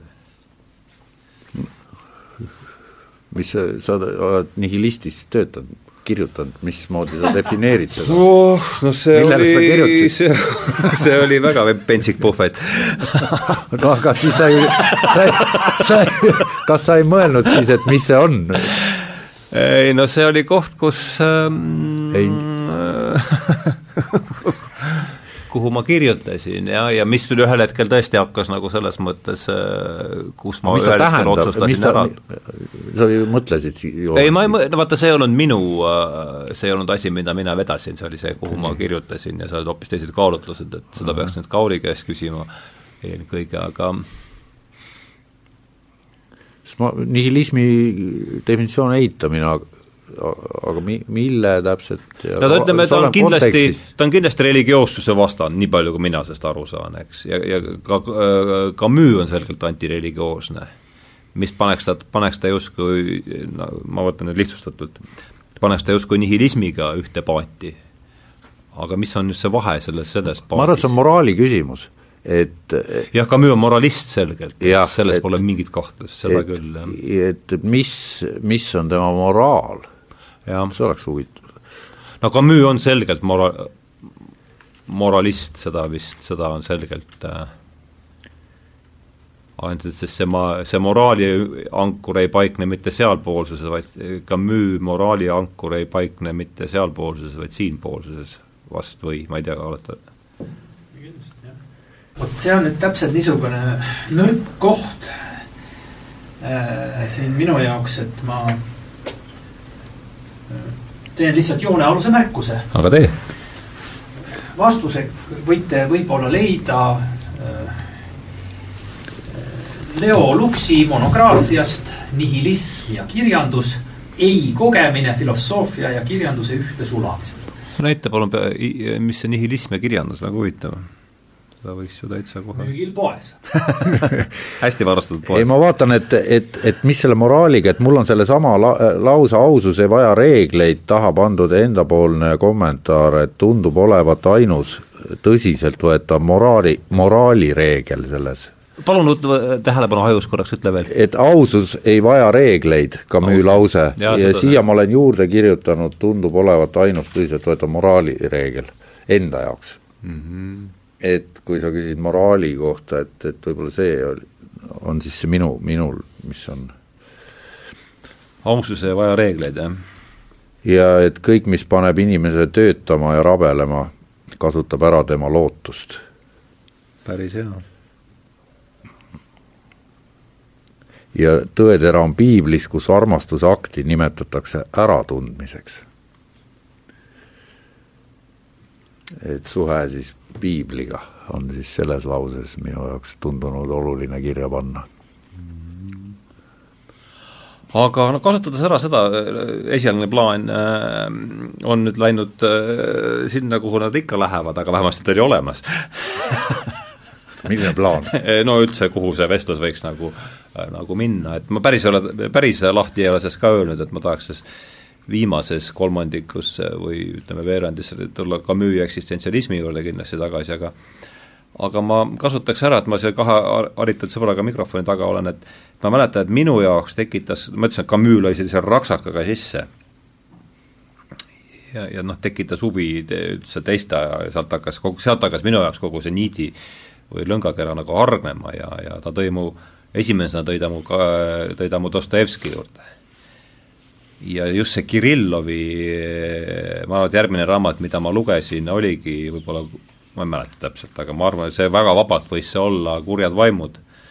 ja see Kirillovi me ei rääkinud sellest eelnevalt ette, et see jutuks tuleb, aga, aga ja kui ei, ei ole midagi või ei taha või ei teki kommentaare, see on ka täitsa, sellega pole ka midagi katki, aga aga mis tundeid teis tekitas Kirillovi, Kirill, sest Kirillovist ta räägib siin pikalt, minu meelest on eraldi peatükk, on ja ma hiljuti üheks loenguks valmistuses ma lugesin selle, jälle kogu asja ei jõudnud läbi lugeda, aga seda Kirillovi osa vaatasin ja ega ma tast ega ma tast eriti sotti ei saa, et ma hea meelega kuulaks see oli see vend, kellel polnud mingeid tundeid või? ei, Kirillov on kurjadest vaimudest üks insener, kes sooritab pedagoogilise enesetapu. Kelle järelduskäik on umbes selline, et äh, punkt üks, Jumalat ei ole olemas, punkt kaks, kui Jumalat ei ole olemas, siis olen mina Jumal ja kuivõrd ma olen Jumal, siis ma pean ennast ära tapma. Et võib-olla aitate mind selle, selle loogilise ahela nagu siin tuleb loogika appi võtta. siin tuleb, siin tuleb kusjuures minu arust seal Sisyphoses on see hea lause, et tuleb juma- äh,, tähendab, tuleb luule appi võtta. ja see on, vot see on üks asi, vot selle, jah, selle võiks täpselt sellise situatsiooni kirjelduses äh, ma märkan, et te olete luulappi ja see, vot see on ka üks koht, mis mul on väga, väga et te olete hästi. umbe jooksnud ja nüüd ma märkan, et te olete ja, juba luulappi see on üks koht, mis mul on ka väga selgelt meelde jäänud sellest raamatust. Seda võib isegi ette lugeda pärast. Roomet, seal tek-, tekkis Kirilloviga mingeid mõtteid?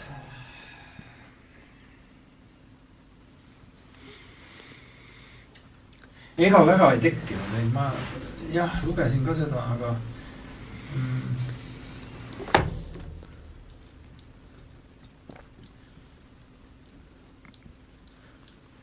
see ikka jumal, jumalaga rähkleb, eks, jumal on surnud. Nagu sa ütlesid, teine maailma tapab ta lõpp, no sellisel kujul, nagu ta oli olnud sinnani, eks ta nüüd nagu, nagu me kandsime mõista, ta nüüd teistes, teises kujus, teises vormis jälle esile kerkinud, me ei tunne teda ära lihtsalt, aga no vaata, siin on üks, üks mis, mis, mis oli noores põlves lugedes oluline ja mis on täna ka sama oluline, mis ei ole muutunud, on, on see e, e, lause seal Sisyphoses, et et inimene oma, omandab elamise harjumuse enne kui mõtlemise harjumuse ja, ja ja, selles taandamatus võidujooksus, mis meid päev-päevalt surmale lähemale kannab, säilitab keha oma taandamata edumaa, see on mul äh, ka noh, üks lausetest, mis on jäänud. sest et see on äärmiselt tõene kogem-, empiiriline selles mõttes, et nii ju on. Me no, kõik loom, teame. loomkandja kappab ees ja, ja, ja siis tarkvara vaatab hämmastunud järele, et kuhu see nüüd läheb. on update imata no ma vaatan siin neid, neid lehekülgi Sisyphose müügist, kus ta, kus ta siin pikemalt Dostojevskit käsitleb ja, ja, ja no vähemalt selles esituses siin tuleb välja ikkagi, et Dostojevski lõpuks ikkagi smugeldab ka jumala sisse. aga Dostojevski ja aga kas, kas sa ütleksid nii, et Dostojevski lõpp, minu meelest Dostojevski on ikkagi väga selgelt, ta küll okei okay,, sorry, jätka, jätka, jätka, et noh, ma olen Dostoi-, seda on Peterson mitu korda lõhutanud, et Dostojevski seal, kus ta on jumala vastu, ütleme, no see Dostojevski polofooniline tehnika mm, -hmm Karamazovites eriti, et see Ivani jumalavastasus on väga palju veenvam niimoodi loogiliselt, kui see Aljoša religioossus, eks, aga et noh, üldiselt ei ole kahtlust, et, et nojah, okei okay,, võib-olla, et, et ideaalis kindlasti Dostojevski sa-, sa-, samastas ennast pigem Aljoša kui, kui Ivaniga, kuigi noh, Ivan tegelaskujuna on tõenäoliselt äh, veenvam kui, kui Aljoša. Vabandust, ma nüüd jäin ise patrama siia. ma mõtlesin, et Cam-, Camus'l on see asi ka, et ta ütles sellise asja, et, et, et noh, et seni on kaks tuhat aastat on elule andnud mõte kristlus, et, et noh, et, et see oli ka üks, vot kuna ta ei uskunud Jumalat, siis ta noh, see, sa küsisid religiooni kohta et, et noh, ta nägi seda noh, aja, vaatles kogu seda kristlikku kultuuriruumi ilmselt ja, ja ütles, et noh, et kogu see asi, mis siiamaani on mitu tuhat, kaks tuhat aastat siis kestnud, et kõik see lootus, usk ja, ja värk on, püsib ju sellel müüdil. et kui, kui me selle maha tõmbame, et siis ei jää midagi sa räägid nüüd Camus'st? Camus'st. Camus'st, mitte Nietzsche'st, jah. Mhm. jah, jah, ei ma täiesti nõus. ei, ma usun, et Nietzsche oli ka midagi, arvas just, no sama. Nietzsche hakkas seda sealt, seda, seda joru ajama, jah. jah. ma mõtlen, et võib-olla võiks ähm, kriitilise pilguga vaadata ka neid tegelaskujusid, keda äh, Camus Sisyphose müüdis lisandab mm kui neid absurdi inimesi, et see on siis nagu see tema positiivne programm, et mis sorti inimene see peab olema, kes siis saab selles jumalata, absurdses ja sügavama mõtteta maailmas ikkagi elada äh,, tundes, et, et see on elamist väärt, see elu. Äh,. seal on, eks ole, mitu, mitu tegelast, üks neist on selline mis nad seal olidki? kes ütles, et eeskuju tuleb Kus anda oli..., filosoof peab andma eeskuju? no vot, ja, ja, ja siis nojah, et, et, et siin ongi, et Camus, kui me võtame, mis ta tegi, siis jällegi ilusad ülikonnad ja kiired autod jaa, et üks on siin just nimelt selline jah, siin on, eks ole, nii donžonism üks on kult donžonism, eks ole, ja siis on see kunstnik see on see, mida on... sa just rääkisid, kiired autod ja, ja. ilusad naised. paradoksaalsel moel ta sai surma autoavariis, eks, rongipilet oli taskus. aga Kalimard ütles, et lähme minu Porschega või mis iganes tal oli ja aga aga nad said koos, kas see kirjastaja sai ka surma või? kirjastaja tappiski ta ära, sisuliselt tema, kirjastaja oli roolis. aa, kirjastaja oli roolis, jah ja.? Nojah, Kirillovil on siin eraldi peatükk. aga räägi nendest äh... jah, no ütleme, needsamad tegelased, ütleme, või needsamad eluviisid, et see donžuanism, nagu sa ütlesid, ja, ja see äh, või see kunstnik, et noh, me võime ju ka seda nüüd küsida, et kas, kas nüüd äh, see ei ole lihtsalt selline ka enesepettus. et, et no nüüd me leiame, et nüüd on mingisugused äh, kogu selle absurdi, absurdi ja surma nagu palge ees me nüüd leiame, et on mingisugused, mingisugused eluviisid, mis on suuremad kui elu ise või mis on kuidagi nagu mitte lihtsalt võimalikud, aga mis on elamisväärsed, et aga see mõnes aga... mõttes kõlab nagu sihuke romantiline unistamine mingisugusest nagu mõtestatud elust ikkagi. et kas see on järjekindel? aga kas ta samas lauses ei toonud Don, Don Quixotet sisse? Don Quixote vist ka, jah. et see käis tal minu arust ühest lausest läbi mõlemad, nii Don Juan kui Don Quixote, et aga võib-olla ma eksin, et mäleta. minu arust oli, et, et, et ega tal mingit niisugust elu jaotavat alternatiivi väga ma ei tea, ei olnud, mu arust välja pakkuda ei olnud sest et olgem ausad, need, kellel on, on selleks ikkagi lõppkokkuvõttes noh, käituma nii, nagu jumal oleks olemas, tüüpi lahendused. just. no täpselt nii ongi jah, et ei, ei noh, midagi muud päeva lõpuks nagu tundub üle ei ei jää, jää., sama on tuumafüüsikutega, ma olen kuulnud. nii räägi. ei, ma rohkem ei teagi et, et kõik noh, tea-, niisugused äh, rasked teadus või kuidas seda nimetatakse siis, et nendel on ka seesama küsimus õhus. jah, aga see ongi täpselt see, et ega siis äh, ma, ma ei näe ka selles ka erilist vastuolu, sest äh, noh, kak-, need kak-, normatiivsed ja ettekirjutavad küsimused ja need on ju täiesti erinevad asjad. no aga sa küsisid, et lahendus, et kas, kas on keegi välja pakkunud, et kas Camus pakkus et mis tal pakkuda oli, kui, kui siiamaani kellelgi pole? ei, ma ei küsinud pigem isegi lahendust, ma küsisin vist seda, et oota, mida ma nüüd küsisin, et äh,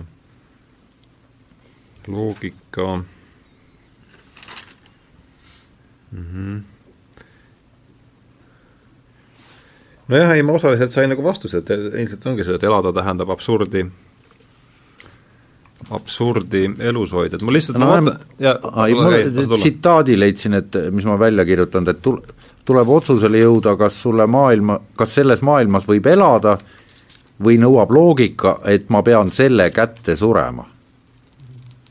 eesmärk on jõuda vastuseni loogika abil. et just see, et selle kätte, elu kätte surema. et selline kombi-, kombo nii, me peame nüüd kuidagi äh, aga võtame Rometit veel kommentaari, siis me peame kuidagi sellele asjale lükkama teise käigu sisse, muidu me muutume liiga unisteks siin. kus me oleme üldse omadega? Me oleme omadega, mulle tundub, et üks põhjus, miks me peame käiku vahendama, on see, et me oleme sattunud ummikusse. jumal, jumal tuleb vastu. Ja, ja vist mitu korda järjest isegi. jah, et me oleme ummikusse sattunud. Ja me peaksid siit kuidagi elegantselt sellest ummikust välja pöörlema. Ja ma tõmban selle, sellele. Ja meil on saanud ka umbes jah, meil on siin mingi pool tundi, oleks veel aega lobiseda, et ja kus me sattusime ummikusse, tegelikult oli see minu küsimus Kirillovist, et ega meil ei olegi siin head äh, veel kord see Kirillov, aa, me, me see ummikusse viis seesama loogiline ahel, mis on Kirillovil. jumalat ei ole, kui jumalat ei ole, siis pean mina jumalaks hakkama. Ja kui ma olen jumalaks pean hakkama, siis ma pean enda ära tapma, see on juba Kirillovi niisugune ja me mõlemad saime, või kõik saime siin aru, et siin nagu meil ei ole häid, häid kommentaare selle kohta vist keegi ja. oskab seletada, mis mõttes peab ära tapma, kui jumalaks hakkama. Uh,, siis no, tavaliselt see... hakkab action pihta. No Caligula ja see ja, ja, ja vana Jossi jaoks ja, ja aga tema oli vist, ma, üks võimalus seda põhjendada on ju seesama kristlikus müüdis, et siis oled ise jumal ja ronid ristile, noh. Või siis jõuame total... ma arvan, et see on seesama pedagoogiline enesetapp Kirillovile, ainus võimalus, kuidas mina suudan seda põhjendada, ongi see, et, et olles ära tundnud, et see, kuidas Kirillov enda jaoks seda põhjendab, on see, et tema on jumal ja ronib ristile ja siis annab kõigile, kuulutab sellega vabaduse siis kogu ülejäänud äh, kambale, ma, see on ainus, kuidas mina seda segast lugu suudan enda jaoks mõtestada mingit sorti messianism. mingi jah, mingit sorti messianism jah, aga noh, Stalin oli ka ja Stalin ja Caligula on ka mõlemad messiad Ma,. maailmapäästjad. jah, just. vaata, huvitav, jah, totalitarism on ikkagi, inimene ongi noh, mit-, noh, mina valitseja olen jumal, et, et Caligulaga kas oli samamoodi kui Jossiga selle koha pealt? no et, ikka, ähm, no ta oli, nad olid ju otseses mõttes jumalad. Jah, aga neil oli ikka endal ka. mis sa mõtled? silmapiiril jumal. sellel ajal asjad toimisid niipidi. nojah, aga samas olid nad ka ise jumalad kurat, seda jah, ütleme siin oleks ah. kõik surnud juba. jah, aga seesama messianism on ilmselt, siin on tõesti üks võtme, võtmemõisteid, nii sii-, nii ka Liigula siis äh, kahekümnenda sajandi suurte totalitaarsete tegelaste kui ka siis Kirillovi puhul, et äh, ma loen siit lihtsalt hetke, mm, kuivõrd see, kuivõrd see Kirillovi asi sisse tuli ja see on puhtalt minu initsiatiiv, sest mind see lihtsalt see ütleme, no see on minu enda lugu Camus'ga, et, et nagu ma ütlesin, et ta lõi raksakaga sisse ja sealt sattusin kohe Dostojevski juurde ja Kirillov oli see kõige intrigeerivam tegelane seal, et ma loen siit lihtsalt lehitsedes sattusin selle lõigu peale, mitte et see meid kuhugi edasi aitaks, aga see võimaldab meile sellele lõigule võib-olla joone alla tõmmata ja vaadata mingi äh, otsida mingit uut võimalust. oota, ma ütleks saada. ühe repliigi korras ühe asja vahel võib-olla, et, et üks oluline asi nende totaalsete asjade ju, juures ja mida ka Orwell äh, on, pühendas, noh, kes haakub ka mingis mõttes teemasse, et et see lihtne inimene kui tööriist nende totaalsetes asjades on alati see, kes selle asja lõpuni viib. eks ilma nendeta ei juhtuks midagi. Et, et see paljundamine, noh et, et, et see, et, et lüüakse noh, indiviidist, indiviid ei ole mitte keegi, vaid on mingi anonüümne hulk seltsimehi, kes on kõik nõus seda tegema reipalt. viivad ellu suure kunstniku kavasid. viivad ellu suure kunstniku kavasid ja see on neil küll kõigil ühine. see on sama Caligula lause, et võr-, kõik on võrdsed, järelikult miski pole oluline, mis ta ütleb välja, sama asi oli Stalinil, et äh, on statistika, mitte mingi, mingi noh, et et üks tapmine on mõrv, aga palju on stati-, seda ütles, ma ei mäleta, kes seda üks nendest. jah, et, et noh, et see on niisugune, see ei ole messianism see ei ole, see, siis mis see ei ole? no see, et see, et rahva hulgad ja, ja. ellu viivad neid asju. no see on võib-olla võimu teostamise tehnoloogia, mida võimaldab see lamba, lambakari. aga et lambakarjal on ju kõigil ajud ka kõrvade vahel ka. olid. vot, et vot, enne peapesu olid. et, et võib-olla see on see asi, mis Ajupesu. on hästi oluline kõigi selle, selle täna jah, ma arvan, see totalitarism ja eksistentsialism võikski järsku olla, ütleme siin, äh, kui me siin ütleme, lepime kokku, et me üks pool tunnikest veel siin vestleme omavahel, et et järsku see võikski olla, järsku see võikski olla viimase pooltunni teema, et et eksistentsialistlikest filosoofidest on meil siin plaanis edaspidi rääkida. Ja ja et see oleks niisugune viimane pooltund siin ka niisugune sild selle, selle eda-, edasiste plaanide elluviimiseks, et et Camus ja eksistentsialism, mis üldse, mida me üldse eksistentsialismi all mõistame, et võib-olla hakkab seekord nüüd siit Roometist pihta. oota, Kirillov lugemata tuleme selle Kirillovi ka ära siis jah, et tõmbame sellele, hea, et sa tähelepanu juhtisid selle, kuigi ega see, ega see lõik nüüd asja selgemaks küll ei tee. aga samas on ta olukord juba niigi nii segane, et ega ta ka palju segasemaks ei tee vast enam. vähemalt saab lõppu kolm punkti panna vähemalt saab lõppu kolm punkti panna, jah. et niisiis saavad Kirillov, Stavrogin ja Ivan lüüa. Kirillov ja Stavrogin on siis kurjadest vaimudest või sortsidest, Ivan Karamazovitest. Karamazovid annavad sortsidele vastuse ja see ongi järeldus Aljoša juhtum pole kahemõtteline nagu vürst Mõškinil. haige vürst elab pidevas olevikus, mida varjundavad naeratused ja ükskõik, ja see õnnis olek võikski olla igavene elu, millest Mõškin räägib. Aljoša seevastu ütleb, me näeme üksteist jälle. siin pole enam juttugi enesetapust või hullumeelsusest. milleks need, kui inimene usub kindlalt surematusse ja selle rõõmudesse? inimene vahetab oma jumalikkuse õnne vastu jutustame üksteisele rõõmsalt kõigest, mis on vahepeal juhtunud, seda ütleb siis Aljoša. kuskil Venemaal paukus küll Kirillovi püstol, aga maailm veeretab endiselt oma sõgedaid lootusi. inimesed ei mõistnud seda. nii et no ikkagi ütleme, niisugune reaalne alternatiiv, ma kujutan ette, Camus'le on see, et ta on surematus ja see on see, mida Dostojevski ajab läbi Aljoša, eks. et me näeme, et me näeme teist jälle, see võtab kogu Camus argumendil siis sisuliselt jalad alt. jaa, aga sa mainisid seal õnnelikkust, mida see seltskond, kõik neid eksistentsialiste ütleb, et mis asi see õnnelikkus ei, see on Aljoša pigem, õnnelik, õnnelik ja. on see, et sa usud surematusse ja aga siis jah, et aga see õnnelikkus nende vendade puhul ei tule, ei ole noh, ei, ole teema. see ei ole esimene sõna jah, mis õnn ei ole eksistentsialismi puhul esimene sõna, mis siis pähe tuleb.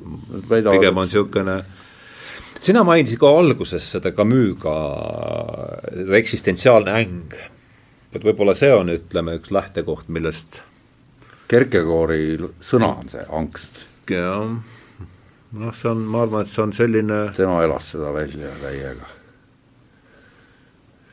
ma arvan, et see eksistentsiaalne äng on midagi, mis viib otse teed meid tagasi ajas neli miljardit aastat sinna, kus meil on eluteke ja kesksena, ma, mulle tundub see niimoodi. X-i boson.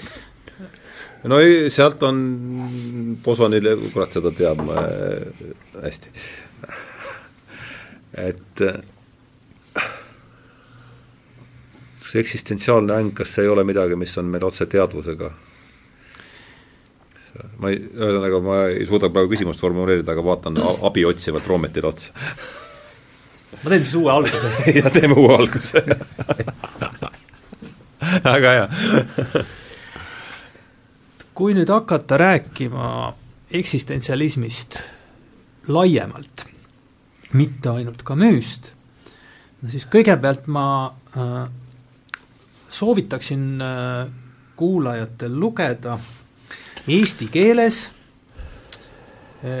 seda, mida on eksistentsialismist kirjutanud äh, Tarmo Tirol.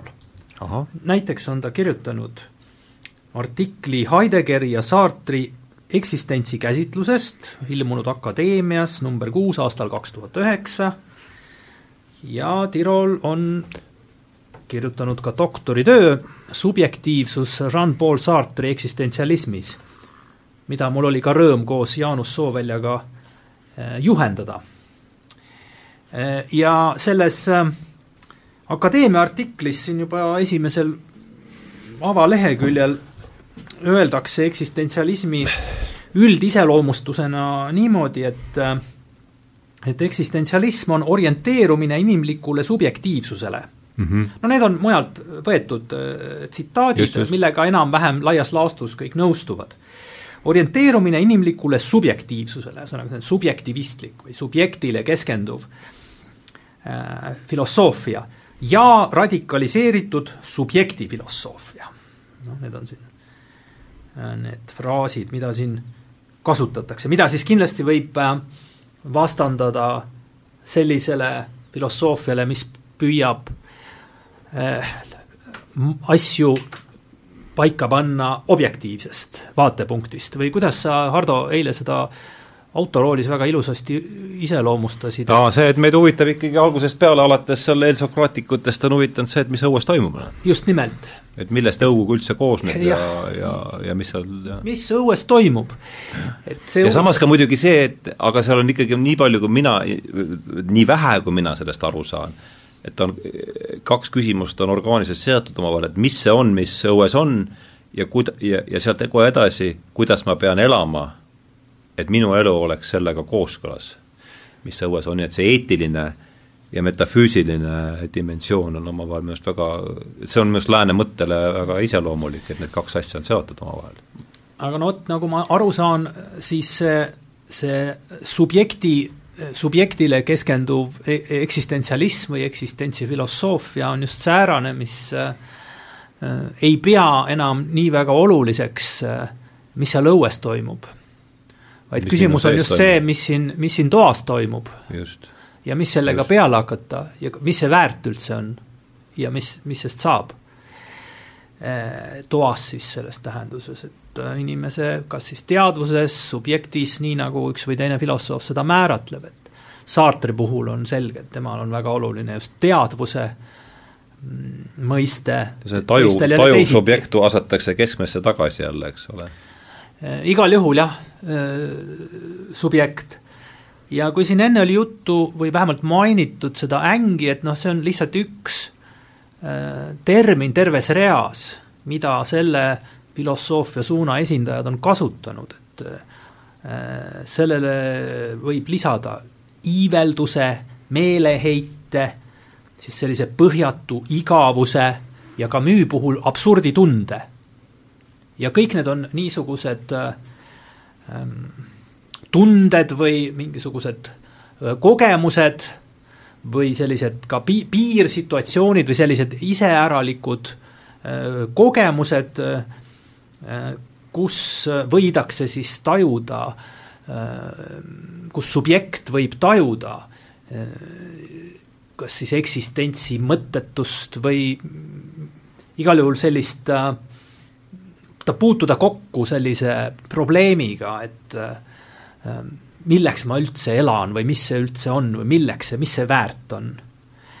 et need on lihtsalt erinevad niisugused äh, inimlikud olukorrad või tunded või mis võivad meid tabada äh, ja need ei ole äh, siis, ei pruugi olla mingisugused, äh, see ei pea olema kuidagi depressiivne, et mul tuleb äng selles mõttes, et mul on lihtsalt mhm. paha tuju, vaid see ei pruugi üldse nii olla, vaid see võib olla hoopis, et midagi sellist ähm, lihtsalt mingisugune selline häiriv, häiriv äratundmine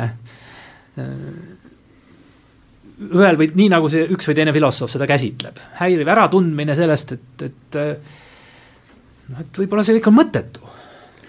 jaa, aga äh, siin Slovia absurdi mõte jälle tagasi, eks ole. jaa, aga jällegi just see võõras ja kogu selle raamatu mõte ja minu arust see tuleb väga hästi välja selles kohas, kus on selline episood, kus ta uurija juures on see Merceau ja, ja teda on seal pikalt üle kuulatud mõrvaasjus ja, ja, ja siis ta lahku, lahkudes oleks peaaegu uurijale kätte andnud ja siis talle meenus, et ta oli just tapnud inimese.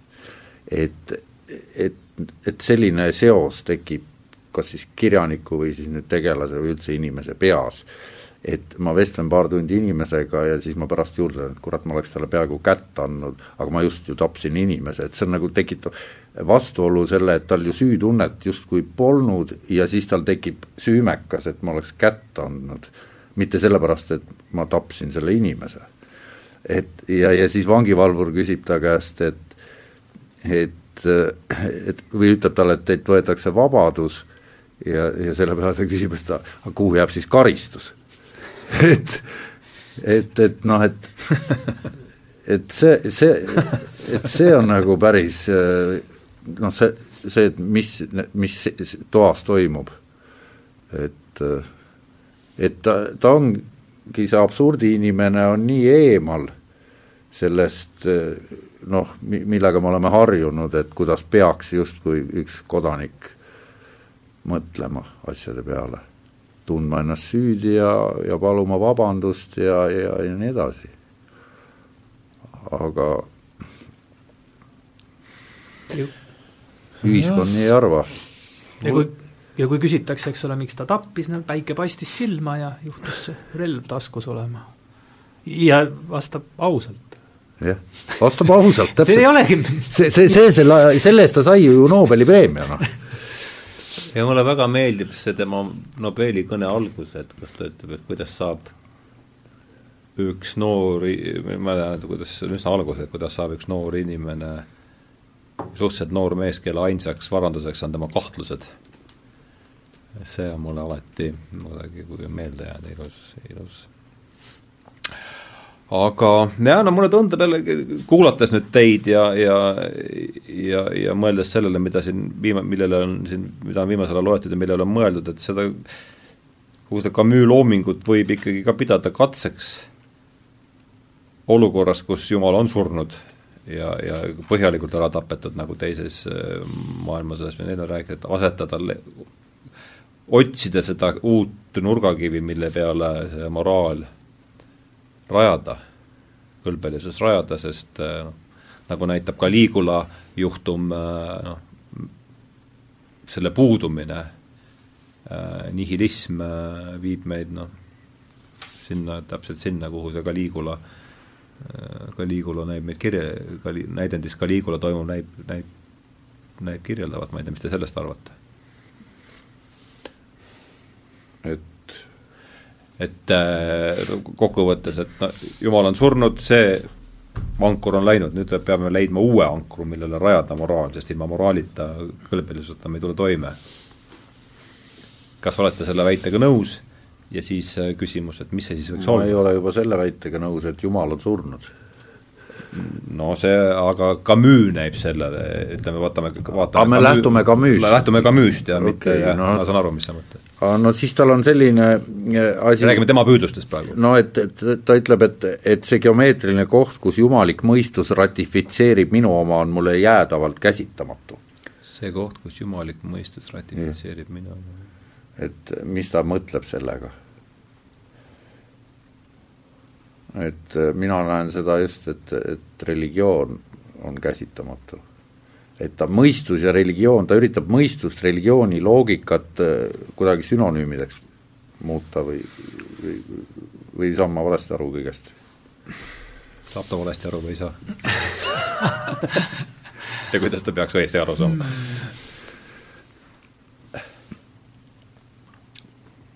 ei, mulle tundub see küll äh, nagu selline usutav, mis sa enne ütlesid just, et et, äh, et selles situatsioonis, äh, kus me võime seda e-, noh, erinevate sõnadega kirjeldada seda olukorda, aga et kus ikkagi Jumal on taandunud või see meie moraali garant ja, ja seesama Jumal, mis on olnud mitte ainult moraali, vaid ka ühiskonna korralduse garant läbi sajandite no, Euroopas, millele on toetatud. et kui hakkab tunduma ja mitte ainult ühele indiviidile, vaid üsna paljudele juba, et, et see, et selle, selle, et seda garanti pole või, või, või meil on väga tõsiselt nagu põhjust selle olemasolus kahelda, et siis kindlasti jah, siis peab leidma mingisuguse äh, jumalale mitte osutava äh, põhjenduse äh,, kuidas me saame äh, olla äh, kõlbelised ja kuidas me saame äh, sellise ühiskonna ikkagi äh, püsti panna ja sel-, seda alal hoida, äh, et me üksteist maha ei löö ja iseennast. Et äh, ja, ja kui mõelda nüüd ajaloost tagasi, eks ole, noh, kuna ma ise olen päris palju tegelenud mm, hoopis seitsmeteistkümnenda, kaheksateistkümnenda sajandi filosoofiaga, siis muidugi seal on seda ikkagi äh, näha palju tugevamalt kui nüüd äh, üheksateistkümnendal sajandil, äh, rääkimata kahekümnendast, et kuidas äh, sellised filosoofilised ühiskonna käsitlused, mis algavad pihta kusagilt perekonna rakukesest või hakkavad pihta Aadamast ja Eevast või hakkavad pihta ähm, tsiviilseaduste uurimisest ja igatepidi viivad lõpuks kuskile üles Jumala juurde välja. et muidu lihtsalt asjad ei püsi koos, kui vaadata nüüd niisuguse ühiskonna filosoofia positsioonilt. me räägime sellisest uusaegsest eurooplase mõtlemisest. kui me vaatame seda sellisest mm, loodusfilosoofilisest või eelteaduslikust või ka juba teaduslikust uusaegsest vaatenurgast, siis seal on midagi sarnast. et kuigi seal äh, Newtoni ajal ja järel äh, tekib ähm, või noh, pääseb maksvusele äh, selline matemaatiline looduse käsitlus, mida saab nii-öelda läbi viia ilma metafüüsilise spekulatsioonita ilma Jumalale viitamata, siis selle juurde käib ikkagi äh, tarvidus seda äh, loodust äh, ja selle maailma olemasolu ikkagi põhjendada Jumala abil. Need struktuurid lihtsalt seisid sajandeid just niimoodi püsti, ükskõik, kas me vaatame inimühiskonda või vaatame loodust. ja, ja, ja selle juurde käib ikkagi ka, ka arusaamine, et, et ühel või teisel viisil Jumal mitte, mitte lihtsalt ei ole kuskil kõrgel ja kaugel, vaid ta on vastupidi, üsna lähedal. Äh, tema poole on mõtet pöörduda ja ka väga praktilistes asjades, sealhulgas riigi juhtimine. Äh, või vaenlasega võitlemine äh, ja, ja muidugi sellised noh, katastroofid nagu need maailmasõjad, seal on juba tõesti väga raske on hakata no ilmselt on üsna raske hakata nüüd mõtlema, et miks siis kui Jumal on, kui kõikvõimas Jumal äh, võiks kerge vaevaga, tähendab tegelikult vaevata, ära hoida selliseid jubedaid kannatusi äh,. Miks ta ei sekku, nagu sõna tõsises mõttes, miks ta ei sekku sündmuste käiku, kui ta valvab inimeste üle, nagu ta sajandeid on aastatuhandeid on valvanud. mul tekkis see küsimusi me tulime siia õhku viskama, mitte vastuseid andma, on no pigem. jah, pigem küll jah. et kui see vend, kes ütles, et jumal on surnud, ütles kohe sinna otsa, et et tuleb, see tähendab seda, tä-, seletas lahti niimoodi, kui ma nüüd õieti aru sain, et tuleb iseendast kõrgemale tõusta. Et see on lahendus, et kuidas seda täna siis vältida, et, et, et, et see ei ole Hitleriks hakkamine, vaid on midagi muud. Ja kui on midagi muud, et mis see muu on, et nojah, see on see, mille üle me siin et see on nagu see et põhiküsimus, et ka see, Camus ütles, et või sõnas, et, et miks ma ennast ära ei tapa selle peale, see ei ole täna selle, selles kontekstis ju ei ole lahendus, ei olnud ilmselt Hitleril ka. no aga sa Nietzsche'l ka ei olnud. hakata saab lihtsalt äh, sekulaarseks äh, eurooplaseks, kellel on küll ka kalduvus, äh, millega tegelikult Camus siin juba viitab, noh et tal on sellel sekulaarsel eurooplasel no tänase päevani on, on kalduvus ikkagi surma ära peita enda teadvuse eest.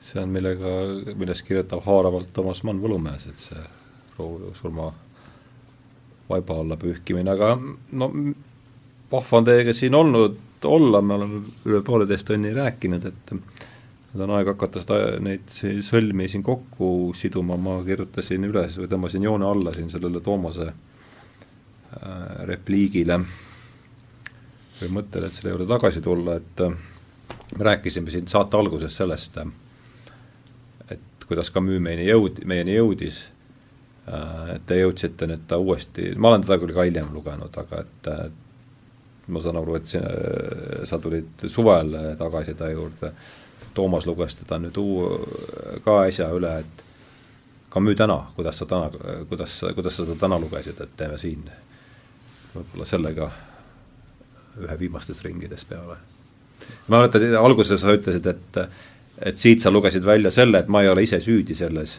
et ja. ma olen siia ilma ja, sündinud ja, ja mind käige ka kõik kurad. jah, et jah, nii lihtne see asi ikka ei ole jah et täna ma olen seisukohal, et inimesel on vastutus, et see on nagu ülitähtis.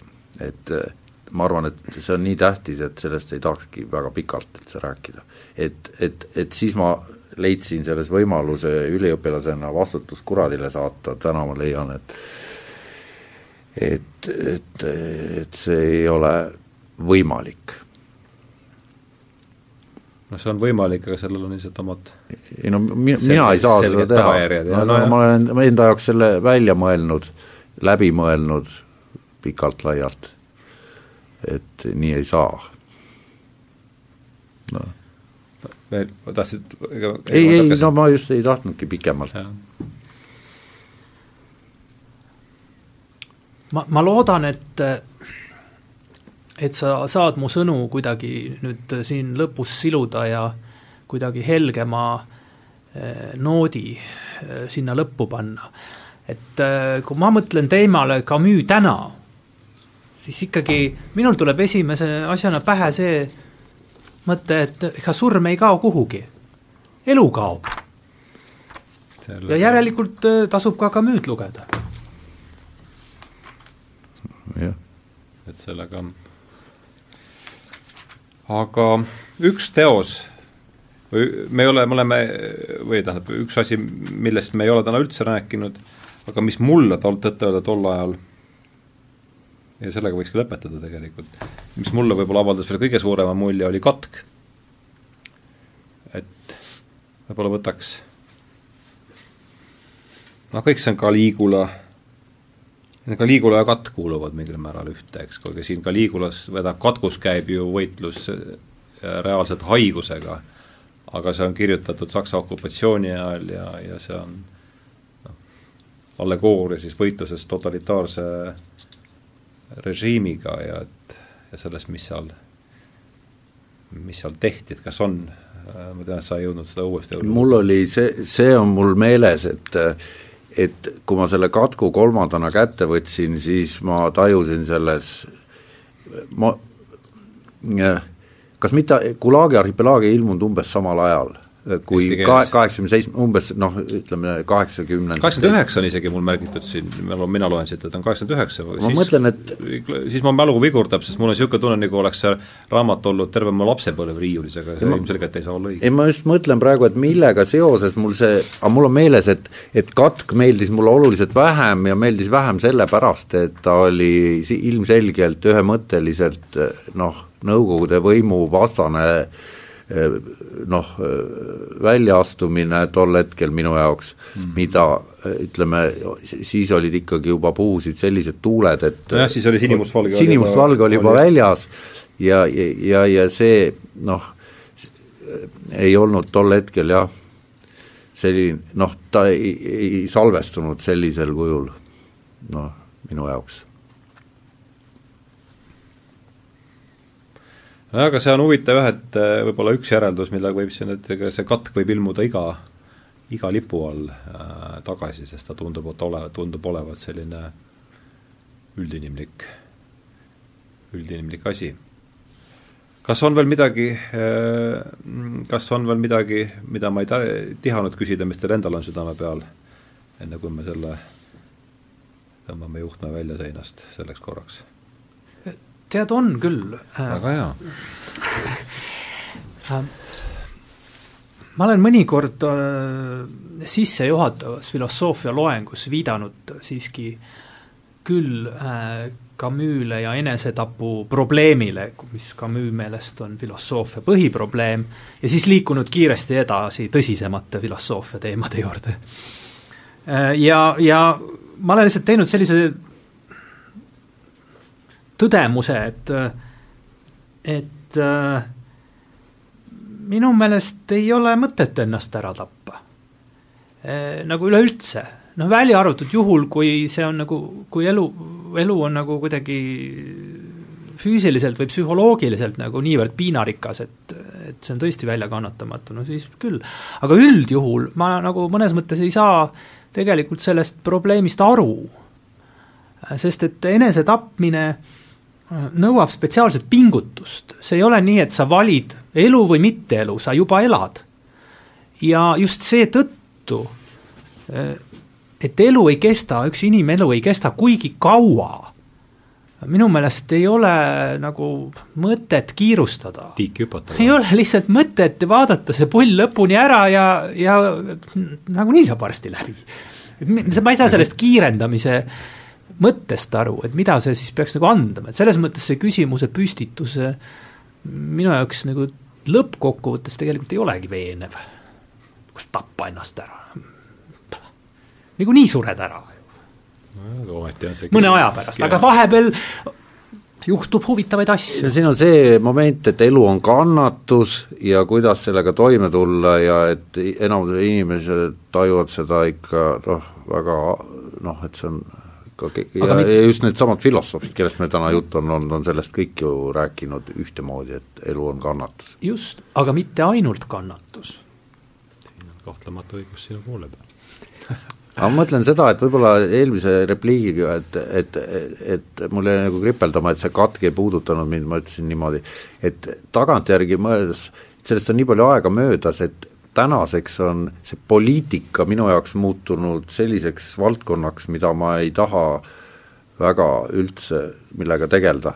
ja tol ajal oli vastupidi täpselt, et siis see kulmineerus täpselt nendel hetkedel, et äkitselt mu mälu petab sellisel määral, et see katk tundus mulle üliolulise raamatuna ja, ja nüüd, kui seda on vahepeal kõik see, mis on tulnud välja noh, mida me kõik ootasime, et, et vabariik äkki, noh siis veel ei oodanud, aga, aga noh, et, et, et, et nüüd on need probleemid läinud sada kaheksakümmend kraadi teises suunas ja, ja see, mis välja on kukkunud, on niivõrd vastupidi, et kui vaadata tagasi selle idealistliku maailmapildi peale, mis meil, minul tol ajal oli, et ja, ja see, mida ma tundsin selle totaalse Nõukogude Liidu, ütleme, riigivõimu suhtes ja nii edasi, et et lihtsalt see päevakord on muutunud oluliselt.